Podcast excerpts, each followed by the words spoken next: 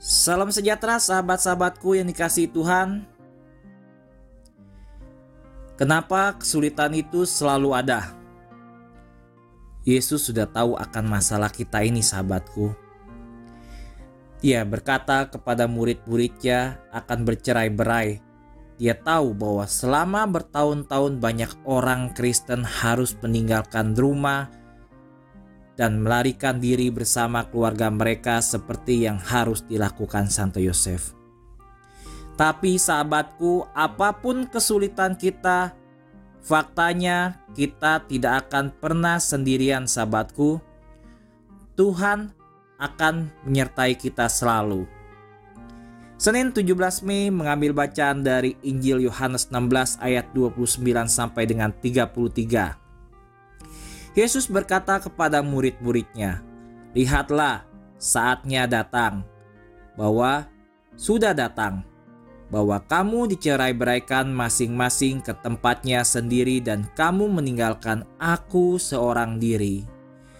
Namun, Aku tidak seorang diri, sebab Bapa menyertai Aku." Semuanya itu kukatakan kepadamu supaya kamu peroleh damai sejahtera dalam aku dalam dunia kamu menderita penganiayaan, tetapi kuatkanlah hatimu. Aku telah mengalahkan dunia. Ada cerita sahabatku, meskipun dibesarkan sebagai seorang Kristen, Kaisar Romawi Julian the Apostate memutuskan untuk menganiaya gereja dengan kejam. Dia bertekad untuk menghapus agama orang Galilea Yesus Kristus dan memulihkan agama nenek moyang. Kuil-kuil lama direnovasi dan yang baru dibangun dan imamat kuil lama dipulihkan.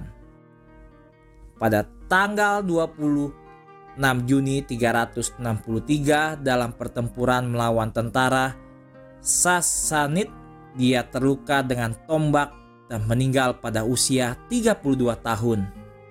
Saat itu dia terbaring sekarat, dia menyadari bahwa semua usahanya untuk membasmi pesan Kristus telah gagal.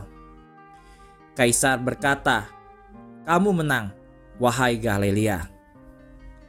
Sekarang, 2000 tahun kemudian, ada lebih dari satu juta umat Katolik di dunia.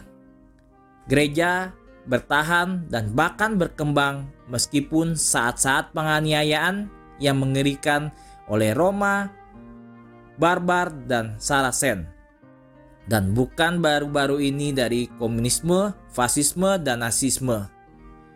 Kerajaan itu telah datang dan pergi.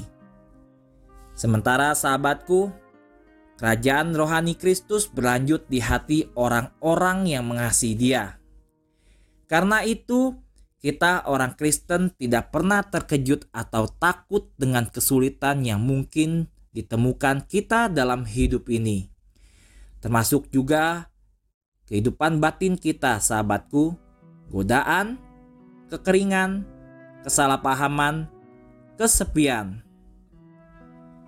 Kita perlu menyadari bahwa kebiasaan manusia adalah selalu melawan arus karena itu, kita akan selalu mengalami kesulitan, tapi tidak berhenti di situ, sahabatku.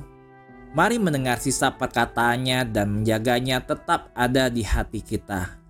Bersoraklah, saya telah mengatasi dunia.